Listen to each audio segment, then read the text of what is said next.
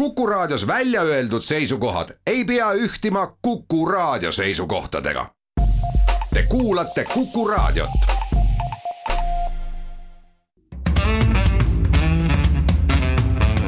muuli ja Riikoja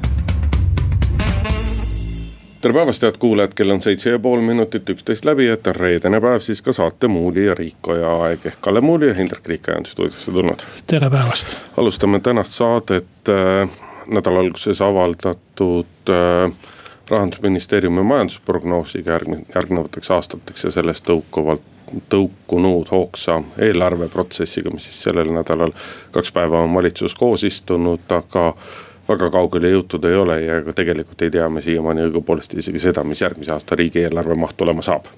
teiseks räägime Tallinna linnavalitsuse otsusest võtta koolides tarvitamisele, tarvitusele täiendavad äh, viirusevastased abinõud, minna üle siis niinimetatud kollasesse äh, tsooni, see on siis natuke enne punast ilmselt. räägime ka riigikogu erikomisjonide raportist, mis sellel nädalal valmis sai, puudutab see siis äh, rahandusministri ja tema nõunike palgatud Ameerika Ühendriikide advokaadibürood, et hakata Eestist. Eestile tulevikus võib-olla rahapesu eest nii-öelda hüvitist Ühendriikides välja kauplema ja juhtus nii, et äh, nii-öelda erikomisjonide raportile ei kirjutanud alla mitte ainult opositsioonisaadikud, vaid ka Siim Valmar Kiiler Isamaast ehk üks koalitsiooni esindaja. ja lõpetuseks räägime Eesti Meediaettevõtete Liidu kaebekirjast äh, Eesti Rahvusringhäälingu veebiportaali peale ja kaebekiri on saadetud nii kaugele ja kõrgele nagu Brüssel. muuli ja Riikoja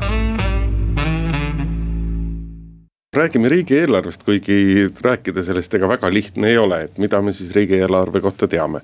teame me seda, et riigieelarve jääb järgmiseks kolmeks-neljaks aastaks jätkuvalt miinusesse riik plaanib äh, väga jõuliselt suurendada riigi võlakoormust, äh, kui see see aasta, selle aasta lõpuks peaks olema kaheksa koma neli protsenti SKP-st, siis järgmine aasta juba kaheksateist koma kaks. ja kahekümne neljandaks aastaks äh, kolmkümmend üks koma kolm teame seda, et tahetakse suurendada mitmesuguseid kulusid, on tunnistatud, et äh, laenurahaga tuleb ka nii-öelda jooksvaid kulusid katta, ehk siis silmas peetakse eelkõige sotsiaalkulusid. Äh, aga noh, ühtegi sisulist kokkulepet äh, valitsuserakondade vahel siiamaani saavutatud ei ole et on välja öeldud, et on, ütleme sellist nii-öelda suurusjärku üheksakümmend prioriteeti, kuhu tahetakse raha juurde saada. see kõlab naljakalt, üheksakümmend prioriteeti no see kõlab ikka väga humoorikalt. see on peaaegu nagu viiskümmend tuhat parandusettepanekut. ja noh, mis need põhilised teemad on, mis kõige rohkem tähelepanu on pälvinud, võimalik erakorraline pensionitõus, see, kas siis riigi riigisektoris hakatakse kärpima või ei hakata kärpima ja loomulikult palju kirgi on tekitanud ka kaitsekulutuste tulevik, sellepärast et kui skp langeb, siis peaks äh, äh, nii-öelda seniste ettekirjutuste järgi äh, vähenema ka kaitsekulutuste kogusumma. no alustaks algusest, alustaks sellest aastast ja, või selle aasta lõpust või, või kust iganes majanduslanguseks on siis ennustatud. ja noh, võib arvata, et kuna aasta lõpuni on nii vähe aega, et see ennustus ka enam-vähem siis paika peab. on ennustatud äh, äh, viit-kuut protsenti, viis koma viis oli see vist täpsemalt. just, viis koma viis. Äh, ja, ja selle järgi võiks ütelda, et meil on läinud noh, ma ei tea, kas miinuse kohta sobib ütelda, et ülihästi on läinud, aga ikkagi vaadates muud Euroopa tausta, siis on väga hästi läinud ja ma arvan et.... no kõik sõltub ka alati võrdlusbaasist ja, ja, ja teiste riikidega võrreldes no, on see hea tulemus. vast eh, Euroopa on siiski sobiv võrdlus. ütleme meie kandi riikidel üldse on hästi, Soomel on suhteliselt hästi ja Lätil on suhteliselt hästi. Leedul nii tervisekriisist ülesaamisega kui ka majanduskriisi ka toimetulemisega ja ütleme, et kindlasti on eh, oluline osa sellel olnud eh, ka sellel majanduspaketil, mis kevadel vastu võeti ja lisaeelarvel, millega majandusse raha juurde pumbati. et kui me võrdleme näiteks eelmise kriisiga, praegust on nimetatud ju sajandi suurimaks, ma ei tea küll, mille järgi, aga. Võib-olla, et meediakajastuse järgi äkki või? seda ei, seda on küll pentsik kuulata, et rahandusminister Martin Helme oli eile õhtul ETV stuudios ja seal ta ka nimetas, et ta sajandi suurimaks. seda kriisiks. on kümned inimesed ja, ja ka kümned ajakirjanikud ilmselt enne teda nimetanud, aga, aga mina mäletan väga täpselt, et noh, kas väga täpselt, aga umbes täpselt, et mitte suurima kriisi ajal ehk siis eelmise kriisi ajal oli majanduslangus neliteist protsenti ühel aastal ja langes teisel aastal veel. ja tööpuudus oli kuskil seal viieteist protsendi kandis, et praegu on need näitajad ikkagi noh, morsipidu kui kasutada rahandusministri terminit, võrreldes selle. kui tema tsiteerimiseks juba läks. jah, võrreldes sellega, et praegu tööpuudus alla kaheksa protsendi seal. eks ta kasvab ilmselt sügisel, kuna hooajatööd lõpevad ära ja, ja ilmselt ka turismisektor saab ikkagi äh, palju tugevama löögi, kui ta siiamaani on saanud. et sealt kindlasti tuleb tööpuudust juurde, aga, aga tervikpildina ju äh, olukord ei ole üldse halb ja, ja selle põhjal võiks ütelda. et see tee, mis on valitud, et see tee on nagu põhimõtteliselt õige ja seda võiks ka jätkata. et meil ei ole nagu mingit põhjust seda hakata ümber hindama, ütlema, et äh, nüüd sai valesti tehtud see, et äh, kasutasime laene. noh, suur osa sellest laenudest on veel kasutamata, mis üldse on võetud ja mida, mida üldse võiks võtta, võtta riigikogu poolt antud mandaadiga valitsus. ja, ja, ja selle pilguga võiks ka vaadata järgmise aasta eelarvet ja üldse tulevikku minu meelest jah, aga, aga samas selge on nagu see, et, et sellist, äh, et et noh, nii suurt kulude kasvu nagu siin, äh, kui vaadata nii-öelda nagu unistustele otsa. noh, üks asi on erakorraline pensionitõus, noh see on tõenäoliselt valitsusele üleüldse nii-öelda kogu, kõigile poliitikutele üks ebamugavaid teemasid, ebamugavamaid teemasid, sellepärast et kuidas sa siis kuidas sa siis valitsuses olles pensioni ei tõsta ja kuidas sa opositsioonis olles ütled, et pensioni ei tohi tõsta, et et seal nii-öelda valitakse oma sõnu, aga noh, kui me räägime sellest, et, et kaitsevaldkonnas räägitakse kaitsekulutuste nii-öelda vahetuses kaitsekulutusi veelgi rohkem nagu tõsta, arvestades seda, mis toimub meie idapiiri ääres, mis toimub Valgevenes.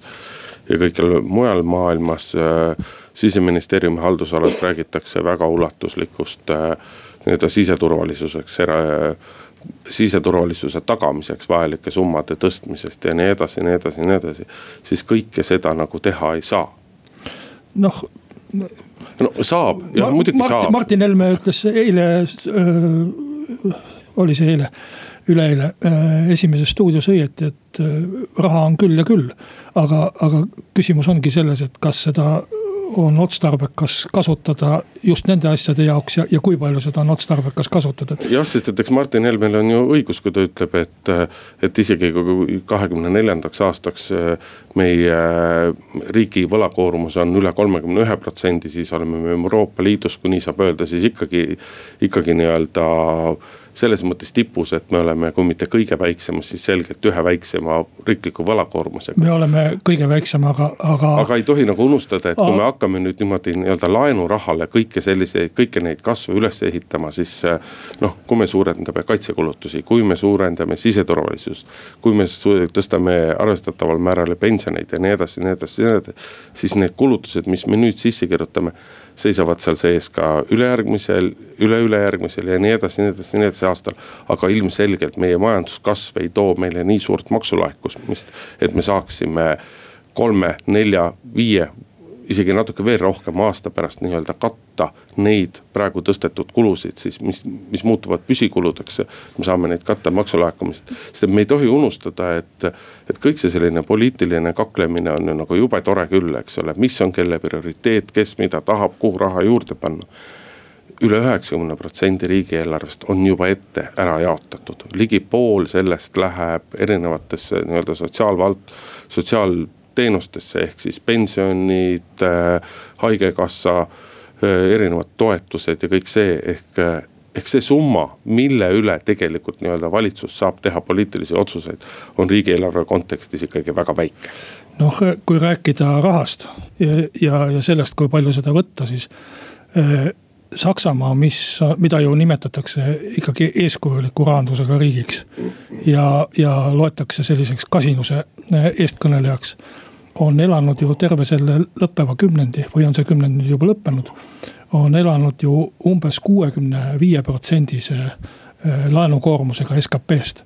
et kui me räägime kolmekümnest, siis see ei ole äh, sellega võrreldav suurus, aga noh tähtsam on minu meelest sellest protsendist, mis, mis kindlasti ei ole mingisugune imeprotsent, kui ta on Euroopa kõige väiksem, see kolmkümmend. ja me räägime aastast kaks, kaks tuhat kakskümmend neli, mille kohta tegelikult keegi ei tea mitte midagi veel. aga et, et kõige tähtsam asi on ikkagi see, et meie majandus läheks suhteliselt suure hooga kasvama. kui ta kui ta kasvab neli-viis protsenti aastas, siis me jõuame sellist kolmekümne protsendilist ja ka kuuekümne protsendilist laenu täiesti vabalt teenindada. aga kui see ei lähe nii, see on suur riskikoht, siis see on hoopis teine lugu. no nelja-viie protsendist majanduskasvu meile rahandusministeerium ka ei ennusta. ennustab juba järgmiseks aastaks. järgmiseks aastaks küll, aga sealt edasi, sealt edasi läheb äh, nii-öelda kaks tuhat kakskümmend üks neli koma viis, sealt edasi kolm koma viis, kolm koma null, kaks koma kolm ehk see kasv ei ole nii pikk, aga teeme siinkohal väikese pausi, kuulame paar minutit reklaami ja siis läheme oma saatega edasi. muuli ja Riikoja. jätkame saadet Indrek Riiko ja Kalle Muuli. Äh, räägime eelarvest, riigieelarvest veel edasi ja konkreetsemalt siis tuleva aasta riigieelarvest, no nendest üheksakümnest niinimetatud prioriteedist, mida on naljakas küll prioriteetideks nimetada. on siis võib-olla kõige, kõige suuremat äh, sellist äh, tüli on nüüd vale sõna, aga ütleme erimeelsusi ja, ja vaidlusi põhjustavaks ilmselt erakorraline pensionitõus, mida vist kõige rohkem soovib Keskerakond ja teiselt, teisalt kaitsekulutuste äh, säilitamine praegusel tasemel, mida siis kõige rohkem soovib äh, Isamaa ja, ja praegune tase tähendab siis äh, rahanumbrit, mitte protsendinumbrit SKP-st. et kaitsekulutused sõltuvadki tavaliselt protsendist SKP-st, aga see on siis, kui on head ajad, siis on seda lihtne ütelda. no siiamaani on jah paigas, et on olnud kaks protsenti SKP-st, millele vali-, riik siis omalt poolt lisandub äh, või lisab äh, välissõdurite siin võõrustamisega seonduvad kulud. see ei ole seadus, see on tava ja see on umbes kümme-viisteist aastat nii see olnud, ma isegi täpselt ei mäleta, mis, mis aastast alates, aga nende aastate sisse ei ole jäänud ka sellist äh, drastilist vähen-, vähenemist, nagu sel aastal on olnud. ja noh, küsimus on siis, et kas me peaksime seetõttu, et äh, maailmas liigub ringi äh, üks viirus nõrgendama oma riigikaitset, et kas siis kaitseolukord on nagu kehvemaks jäänud, et selles mõttes ma arvan, et äh, mõistlik oleks seda summat siiski säilitada. täiesti veider oleks hakata oma äh, kaitse-eelarvega niiviisi vänderdama vastavalt sellele, kuidas siis majandus mõne viiruse tõttu äh, kõigub. ja, ja see summa siis tähendaks umbes, umbes viiskümmend miljonit eurot.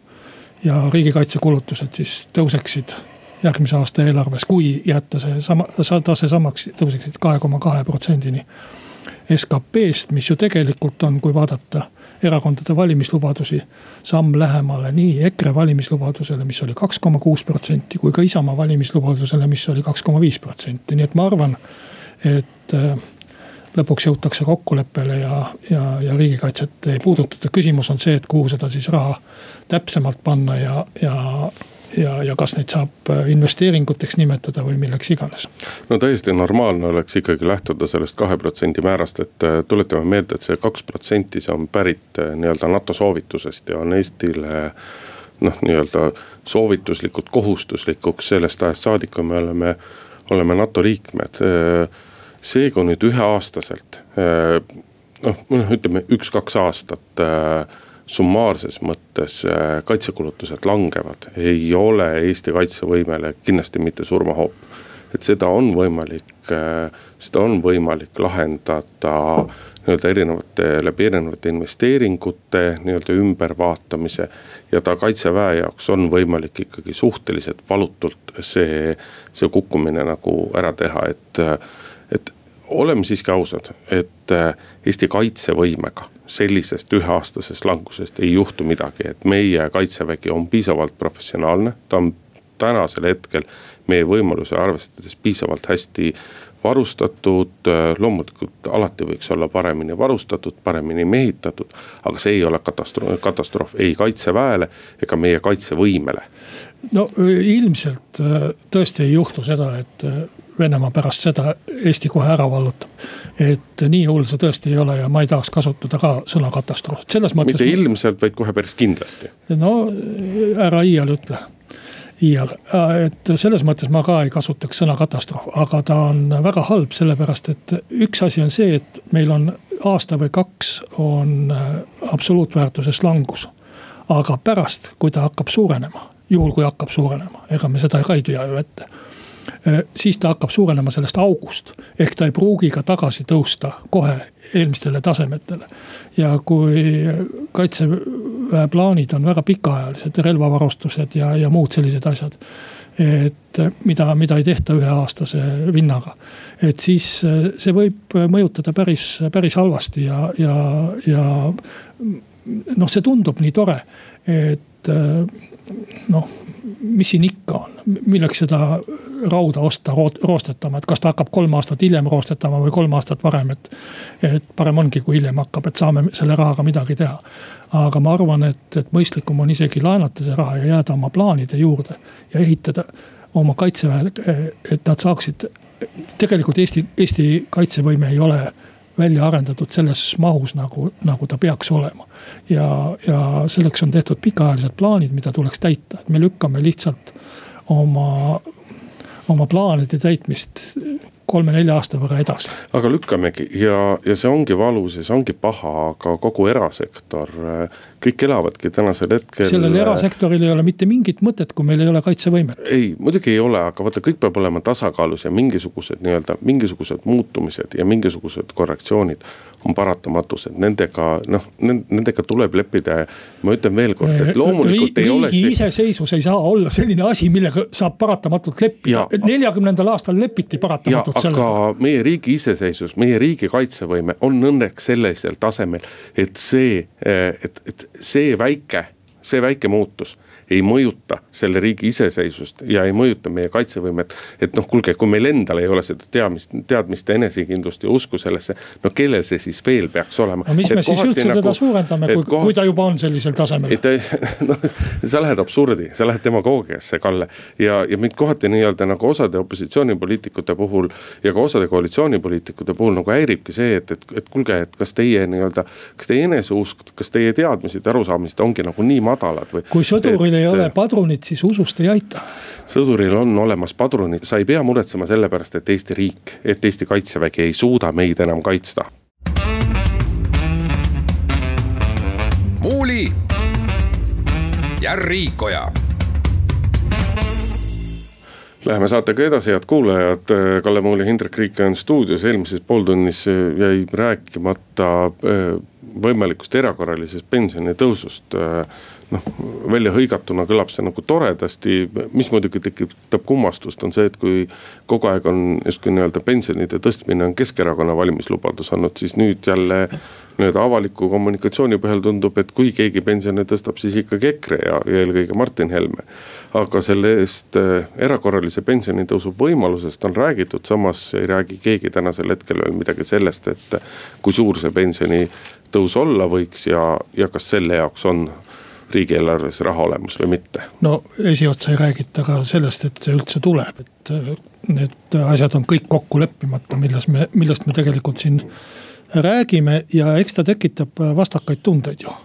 ühest küljest äh, ajal, kui inimeste palgad üldiselt kipuvad langema või vähemalt osa inimesi jääb tööta. ajal, kui riigipalgaliste äh, palgad külmutatakse on siis üks äh, grupp inimesi, kelle palgad tõusevad, samas. või no, palgaks on seda siiski liialt. ütleme sissetulekud, pensionid, aga samas peab ütlema, et äh, nende inimeste pensionid on ebaõiglaselt ja, ja ja noh, lubamatult väikesed võrreldes keskmise palgaga olnud aastaid nii et, et sellest kohast tahaks nagu tõsta ja oleks nagu mõistlik tõsta, aga. aga riigil ei ole raha selle jaoks, et äh, pensioni erakorraliselt tõsta. kuulsid ju, rahandusminister ütles, et raha on küll ja küll. küsimus on, et kas, kas laenuraha eest peaks pensionit tõstma. E, ja, ja esimene vastus on ju, et ei peaks, aga siis ja, ja kas kriisi ajal peaks pensionit tõstma. aga kui sa vaatad nagu tagasi, et kas siis headel aegadel tõsteti või? Kui me vaatame viimasele kümnele aastale tagasi, mis enam olid ju majandusliku tõusu aastad. siis erakorraline pensionitõus ehk pensioni lähendamine keskmisele palgale. ma ei räägi indekseerimisest, indekseerimine lihtsalt jookseb keskmise palgaga ja majanduskasvuga kaasa. oli esimene äh, erakorraline pensionitõus viimase kümne aasta jooksul oli eelmisel aastal ja siis ka seitsme euro võrra. et see oli siis nagu see panus, mida suudeti panna ja põhjus on selles, et headel aegadel eelarvereeglid ei luba viia eelarvet äh, miinusse, ei luba laenu võtta ega, ega midagi sisuliselt teha. kõik on kinni kirjutatud ja sealt tegelikult ei olegi võimalik erakorralist pensionitõusu teha. ehkki Keskerakond ja tegelikult kogu valitsusliit üritas äh, kõigest hingest eelmisel aastal. nii et äh, noh, rääkida, et tehkem siis, kui on kõik hästi see on tegelikult väike enesepettus, et siis, kui kõik on hästi, tegelikult ei saa seda teha. no see resümee on ikkagi see, et erakorraline pensionitõus mingisuguses ulatuses tehakse, see summa ei saa olema kuigi suur, võib-olla seal kümme, viisteist, äärmisel juhul kakskümmend eurot kuus ühe pensionäri kohta, aga noh, me ei tohi unustada, et järgmine aasta on valimiste aasta, kohalike omavalitsuste valimised on tulemas ja väga selgelt on nii-öelda suur osa tuleva riigieelarve lubadustest ja sinna tehtavatest asjadest on kantud ka sellest. noh, eelmine aasta ei olnud valimise aasta. eelmine aga... aasta ei olnud, aga see aasta on ja, või selle järgmine aasta on. aga kui erakonnad on andnud valijale selle... lubaduse, nagu Keskerakond on andnud, siis ma täiesti saan neist aru, et nad seda suruvad ja nad tahavadki oma lubadust täita. no Mõistlik. mida, midagi muud me, Kalle, sinu poolt ei saakski oodata. muuli ja Riikoja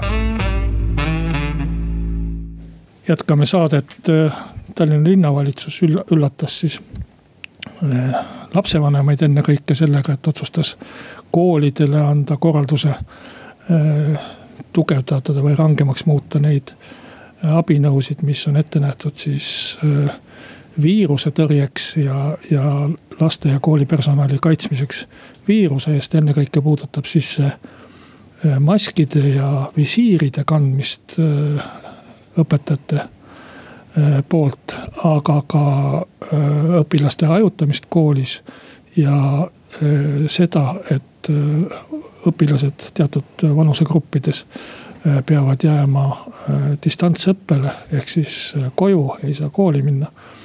ja, ja õpet tuleb siis korraldada mingite sidevahendite kaudu, noh, on väga palju nurinat olnud, et mille jaoks, mis põhjus, et see viiruse äh, hulk ei ole nii suur. Irja Lutsar, äh, valitsuse teadusnõukogu äh, juht on tugevalt seda otsust kritiseerinud. just sellest aspektist. samas, kui, kui ma vaatan neid abinõusid, siis noh, mu meelest isikukaitsevahendid, see, et kellelgi on visiir ja, ja mask näo ees. et täiesti asjakohased, ma arvan kõige, kõige kahtlasem minu meelest on selles äh, äh, loos distantsõpe. mis ma arvan, et pikas plaanis, võib-olla mitte nädala-paari ega isegi kuuga aga pikas plaanis, kui see kauaks nii jääb, see ikkagi halvendab õppimise kvaliteeti ega keegi, ükski lapsevanem ei kritiseeri seda, et õpetaja on koolis äh, visiiri või maskiga, et. lasteaias on küll see oht, et lapsed lihtsalt kardavad maskides õpetajaid ja seda ei saa lastele kuidagi nagu pahaks panna, aga õnneks muidugi väga või noh, heas mõttes õnneks või ütleme jutumärkides õnneks. et ega väga paljudes Tallinna lasteaedades ei olegi õpetajatel neid maske ja visiire olemas, aga mina laulan ikka seda vana laulu, et tarvis on nii-öelda selgeid eeskirju, selgeid regulatsioone, et nii nagu valitsus andis pehmelt öeldes umbmäärased juhendid. nii on ka tegelikult linnavalitsus andnud haridusasutustele suhteliselt umbmäärased juhendid aga tarvis oleks nagu mingit selget ja arusaadavat lähenemist ja, ja tõepoolest sellist lähenemist, mille mida kiidavad heaks ka, et poliitikud ei saa sellist asja otsustada. me kevadel nägime seda, et eh, kuidas poliitikud hakkasid järsku kõige suuremateks terviseekspertidest. ja sellest ei tõuse kõige suuremat tulu, et tasub nõu pidada teadlastega, tasub nõu pidada terviseametiga. aga meil ju ka nii-öelda linnavalitsuse ametnikud on ju, on ju siin-seal ka ise tunnistanud, et ega nad päris täpselt ei tea, mis juhtuma hakkab, ega nad natukene eksperimenteerivad ja vaatavad Ke. keegi ei tea, mis juhtuma hakkab. et, äh, et kui on nagu riiklikul tasemel öeldud, et äh, kui klassis on haigestunu, siis läheb klass kaheks nädalaks koju, kui koolis on haigestunud, kas oli kümme protsenti, siis jääb terve kool koju. et see, mida me praegu teeme, eks ole, et, et ühes Tallinna koolis, ühes viiendas klassis üks laps justkui nii-öelda on haige, eks ole, nädal aega tagasi koolis käinud, siis me saadame selle klassi koju. aga saadame nüüd ka paralleelklassid koju. et üritage mulle nagu või, või mind on kõige rohkem nagu on küsinud, et ma saan sellest aru, et, et, et üks nädal koolis, üks nädal kodus, et ma võin sellest aru saada. aga kui sul on viis päeva, nädalas on viis päeva, neli päeva käiakse koolis, aga üks päev on siis nii-öelda koduõppepäev, siis kuidas see üks koduõppepäev aitab nagu võidelda viiruse leviku vastu, sellest ma nagu mitte kuidagi no,, mitte kuidagi aru ei saa. võin, võin, võin oletada, et äkki siis koolil on võimalik kuidagi neid päevi või lapsi hajutada seal koolis, aga, aga kui me vaatame tegelikult Rootsis oli ju kevadel niiviisi, et ehkki viirus oli väga levinud, nad hoidsid kooli äh, lahti ja, ja ega nendest koolidest ei kujunenud sellist äh, suurt äh, levikukeskust, et, et. ja, ja ei, ei olnud ka seda, et noorte seas oleks suremus või, või haiglaravile sattumine väga suur olnud. ja seda me tegelikult näeme ka praegu Eestis, et kui, kui on noored nakatunud, et nad põevad üsna kergelt köha-nohu ja, ja kui sedagi ja, ja selles mõttes ma arvan, et, et laste pärast iseenesest, vähemalt Rootsi kogemuse põhjal, minu meelest ei ole muret, muret on õpetajate pärast ja õpetajaid tuleb kaitsta siis maskide ja visiiride ja millega iganes saab kaitsta. no just nimelt, noh siiski ei saa öelda, et laste pärast ei ole muret, loomulikult tuleb ka muretseda laste pärast, et ega meie huvides on ka, et lapsed oleksid terved ja. ja see meie esimene prioriteet ikkagi on see, et lapsed peavad saama käia koolis see on nagu, see on, see on kõige õigem õppimise ja kõige tulemuslikum ja kõige efektiivsem õppimise vahend. sest et tänasel hetkel oleme me ka selles olukorras, et kui saadetakse kuskil mingid üksikud üksikud lapsed koju, siis valdav osa vanematest, tunduvalt suurem osa vanematest kui seda kevadel. on ju ikkagi, on ju ikkagi tööl ehk kodus ei ole sellist nii-öelda kevadist tuge, ei ole kodus võtta ja ilmselgelt noh, nagu hariduse kvaliteet hakkab mingil hetkel sellest kannatama. nojah, aga sa pead olema ikkagi valmis selleks, et ühel hetkel pannakse klass täiesti kinni, juhul kui seal üks nakatunu on. ja ma arvan, et tegelikult hullem aeg, mitte koroonaviiruse mõttes, vaid äh, üldse terviseotsuste mõttes on, on ees. sest äh, sügiseti ja talviti ikka meil on lastel köhad ja nohud ja, ja kujutad ette nüüd kui, kui keegi tuleb nohusena kooli või köhasena kooli, mis ei ole kindlasti soovitatav, aga aeg-ajalt juhtub seda.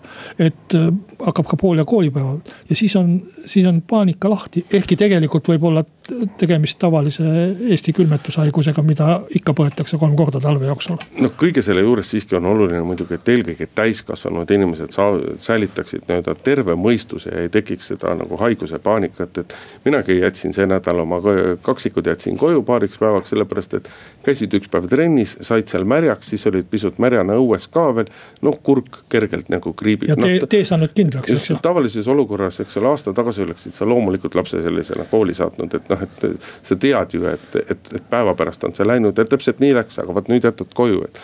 et selles mõttes noh, tervet mõistust tuleb igal pool säilitada. muuli ja Riikoja Läheme saatega edasi, Kalle Muuli, Hindrek Riikoja stuudios. riigikogu kaks erikomisjoni, riigikogu, riigieelarve kontrolli erikomisjon ja korruptsiooni tõrje erikomisjon, oli see niimoodi? korruptsioonivastane. korruptsioonivastane erikomisjon avaldasid raporti, mis siis puudutab Ameerika Ühendriikide advokaadibüroo palkamist äh, rahandusminister Martin Helme ja tema nõunike, nõunike poolt, äh, kes siis peaksid aitama tulevikus, kui hakatakse nõudma rahapesuga tegelenud pankadelt Ameerika Ühendriikides mingisugust nii-öelda mingit trahvi neile kehtestama, siis Eesti saaks ka mingisuguse oma seibi sealt. ja noh, ütleme, kuidas seda raportit siis kokku võtta, et seda raport tuleb kokku võtta, raportit saab sisuliselt kokku võtta niimoodi, et äh, rahandusminister ja tema nõunikud äh, nad on kogenematud, nad ei ole selliste protsessidega tegelenud ja seetõttu valisid nad nii-öelda kaheldava väärtusega advokaadibüroo äh, ennast nõustama, samas ei teinud nad midagi seadusevastast aga võiks ilmselgelt nii-öelda kogu seda protsessi rohkem selgitada. Ja asi taandus sellele, et tegemist ei ole mitte ainult opositsioonipoliitikute soologa, vaid oma käe pani sellele raportile alla ka Siim Valmar Kiisler, Isamaa esindaja ehk siis koalitsioonisaadik ja ütles temagi ühes intervjuus, et, et ega et ei maksa ju midagi Martin Helmele tulla ja seletada, miks seda tehti. Ja kui mõni asi läks nii, nagu see või kui mõni asi läks nii, et oleks võinud saada teha ka paremini, siis ei maksa ju midagi, midagi seda ka tunnistada, et oleks saanud asja paremini teha, et. et ilmselge on see, et, et minister ja tema nõunikud tegi, tegutsesid täiesti iseseisvalt ja oleksid nad kaasanud ka rahandusministeeriumi spetsialistid sinna asja, siis kas see leping oleks nüüd olemata jäänud, aga see, aga see valikuprotsess oleks kindlasti olnud läbipaistvam, ta oleks selgem ja see leping oleks saanud tummisem ja tugevam. see on huvitav dokument selles mõttes, et tema pealkiri on, et ta on kahe komisjoni, korruptsioonivastase erikomisjoni, nagu sa ütlesid, ja riigieelarve kontrolli erikomisjoni kokkuvõte tööst. aga ja, ja kui uudiseid lugeda, siis, siis ongi nagu kahe komisjoni asi, aga kui hakata uurima, et et kes siis äh, sealt riigieelarve kontrolli komisjonist selle äh, raporti poolt hääletasid, siis riigieelarve kontrolli komisjon ei ole seda raportit heaks kiitnud, ehkki on nagu tegemist kahe komisjoni raportiga. et äh, tegelikult on ainult korruptsioonivastane komisjon seda raportit heaks kiitnud sealt kolme häälega kahe vastu. ja, ja, ja nii see ongi. mis on ka veel huvitav, on, on see, mida seal raportis ei ole et seal raportis on need asjad, mis sa ütlesid, seal on põhiliselt nagu minu meelest hästi üldistades ja laias laastus äh, kaks etteheidet, üks etteheide on see, et äh, tõesti ei kaasatud, ei, ei kooskõlastatud ja nii edasi. ja seetõttu sõlmiti kehv leping komisjoni arvates. ja teine see, et äh, Martin Helme ja tema nõunikud ei tulnud siis komisjonile selgitusi andma. aga mõlema kohta on ka kokkuvõttes endas öeldud, et otseselt seadust ei rikutud kummagagi. kusjuures selle selgituste andmisega on ka väga huvitav lugu. keegi, kes ei tea riigikogu töö ja kodukorda, seal on eraldi välja toodud. uurimiskomisjoni juurde on öeldud, pead sa minema selgitusi andma ja kui sa ei lähe, võib sind trahvida uurimiskomisjon kolmesaja trahviühiku suuruse äh, trahviga. aga erikomisjoni juurde on öeldud, et erikomisjonil on õigus kutsuda inimesi Äh, välja, aga ei ole öeldud, et inimestel on kohustus minna, rääkimata trahvist. et, et sellised nüansid, aga mida seal ei ole, on see, et äh, ei nõuta lepingu tühistamist. ei nõuta Martin Helme tagasiastumist ja ei öelda ka, et tegemist oleks advokaadibürool huvide konfliktiga. et need on nagu olulised asjad, et äh, ühesõnaga kehvavõitu leping komisjoni arvates, aga, aga ja, ja kehvavõitu käitumine rahandusministri poolt ja minu meelest ka selline asi, et. et üks minister sihilikult ignoreerib ja käseb ka oma nõunikel ignoreerida riigikogu komisjone. ükskõik kui vastik inimene on Jürgen Ligi ta esindab ikkagi äh, rahvast ja, ja temaga peab arvestama. no küsimus ei ole ainult mitte selle riigikogu komisjoni ignoreerimises, vaid küsimus on ka selles, et et äh, kasutada oli mitmeid taustapabereid nii välisministeeriumis, saatkondadest. Kus väga mitmes nendes taustapaberites öeldi, et selle advokaadibüroo palkamine ei ole kõige parem mõte, sellepärast et seal on üleval küsitavusi ja kõike. aga noh, jällegi me jõuame selle juurde, et nagu, et mis see EKRE lipukiri on, eks ole. et meie ei tagane kunagi, meie ei vabane kunagi aga kuna kapatsiteeti ei ole selliste rahvusvaheliste asjadega tegelemiseks, siis see lähebki lihtsalt aia taha Muuli ja Riikoja.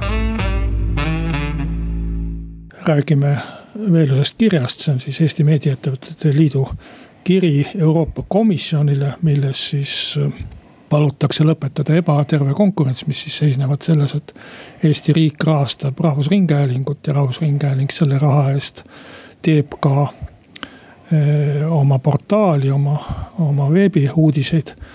mis siis äh, kirjakirjutajate arvates ei ole kooskõlas konkurentsireeglitega ja on. Ma ei mäleta, kas seda sõna nüüd otseselt kasutatakse, keelatud riigiabi. aga, aga selline kiri, no minule tõi see kohe meelde muidugi viie erakonna peasekretäride kirja Oslosse aastast umbes kaks tuhat viis, kus erakondade peasekretärid kurtsid Postimehe Norras olevatele omanikele, et et Postimehe peatoimetaja käib äh, peaministriga lõunat söömas ja sellepärast Postimees on ebaobjektiivne ajaleht ja tuleb kohe kinni panna või midagi sellist.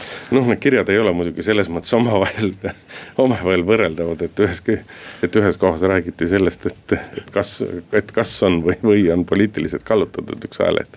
mida ta loomulikult ei olnud ei toona ega ei ole ka nüüd.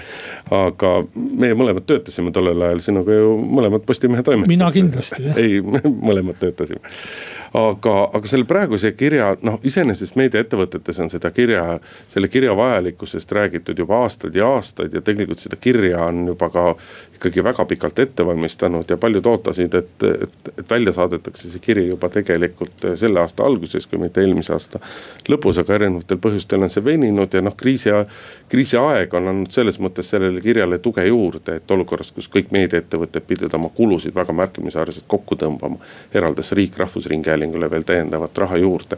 et kõik taandub ju tegelikult sellele, et mis on Rahvusringhäälingu ülesanne ja kas Rahvusringhäälingu ülesanne on teha ükskõik millise, millist ajakirjandust või on see mõte ikkagi seda, et Rahvusringhäälingu roll on katta ära need tühimikud äh, ajakirjanduses, mida ei ole võimalik nii-öelda kommertsalustel teha või mitte? no äh, kindlasti ei ole veebiportaali tegemine vastuolus Rahvusringhäälingu seadusega ja seadusega ei ole ta ka keelatud Äh, tõsi, otseseaduses ei ole kirjutatud, et äh, Rahvusringhääling peab tegema veebiportaali.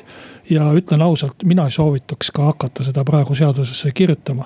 sest kui see seadus lahti võtta, siis võib olla selliseid poliitilisi soove sinna igasuguseid asju sisse kirjutada. Äh, hoopis muudes teemades, et pole vaja meil seda aastaid kestvat poliitilist tsirkust selle seaduse ümber, et las ta olla niiviisi ja ta ei ole praegu seadusega vastuolus, see, mida Rahvusringhääling teeb. aga mind pani selles kirjas ikka mitu lauset naerma ja üks oli see, kui oli kirjutatud, et eraõiguslikud uudisportaalid edastavad uudiseid kiirelt, professionaalselt, laiahaardeliselt ja sõltumatult.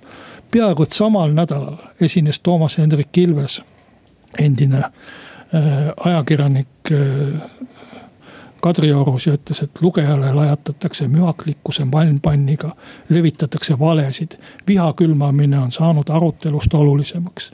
teine tuntud endine ajakirjanik Daniel Vaarik peaaegu ka samal nädalal kirjutas Rahvusringhäälingu portaalis, ei vabandust, andis intervjuu Vikerraadiole, kus ta ütles, et meedia on muutud, muutunud sotsiaalmeediaks, mis levitab viha ja nii edasi. et sellel taustal hakata rääkima, kui hea on ikkagi Delfi või, või mõni teine portaal. no see, see, see, see mõjub selle kirja, ma saan aru, et Brüsselis võib selliseid asju rääkida. Aga no Eestis mõjub selline kiri ikka täitsa naeruväärselt. ei, see kindlasti ei mõju naeruväärselt, noh sinul kõrvalt vaadates võib-olla see mõjub naeruväärselt, aga see roll, mis nii-öelda Rahvusringhäälingus on. ma ei taha öelda, et Rahvusringhääling ei pea midagi tegema, aga mingisugused kohad on küll, ta ikkagi väga selgelt, väga selgelt ta nii-öelda võtab äh, võtab oma käitumisega erameedialt palju võimalusi ära ja nii-öelda seda konkurentsisituatsiooni ta küll. et noh, igas teises valdkonnas äh, liigituvad sellised. Need portaalid olid nii kehvad asjad. ka enne seda, kui Rahvusringhääling üldse oma portaali tegi. ei noh, sa ei saa öelda, et need portaalid nüüd nii, nii hirmus kehvad on. aga nii-öelda noh, nagu paljusid asju ta mõjutab ja, ja, ja las siis tuleb selgus, sellepärast et see vaidlus on olnud väga pikk, aga meie peame siinkohal saate otsad kokku tõmbama. Kalle Muuli, Hindrek Riik olid stuudios ja nädala aja pärast kuuleme jälle Muuli ja Riikoja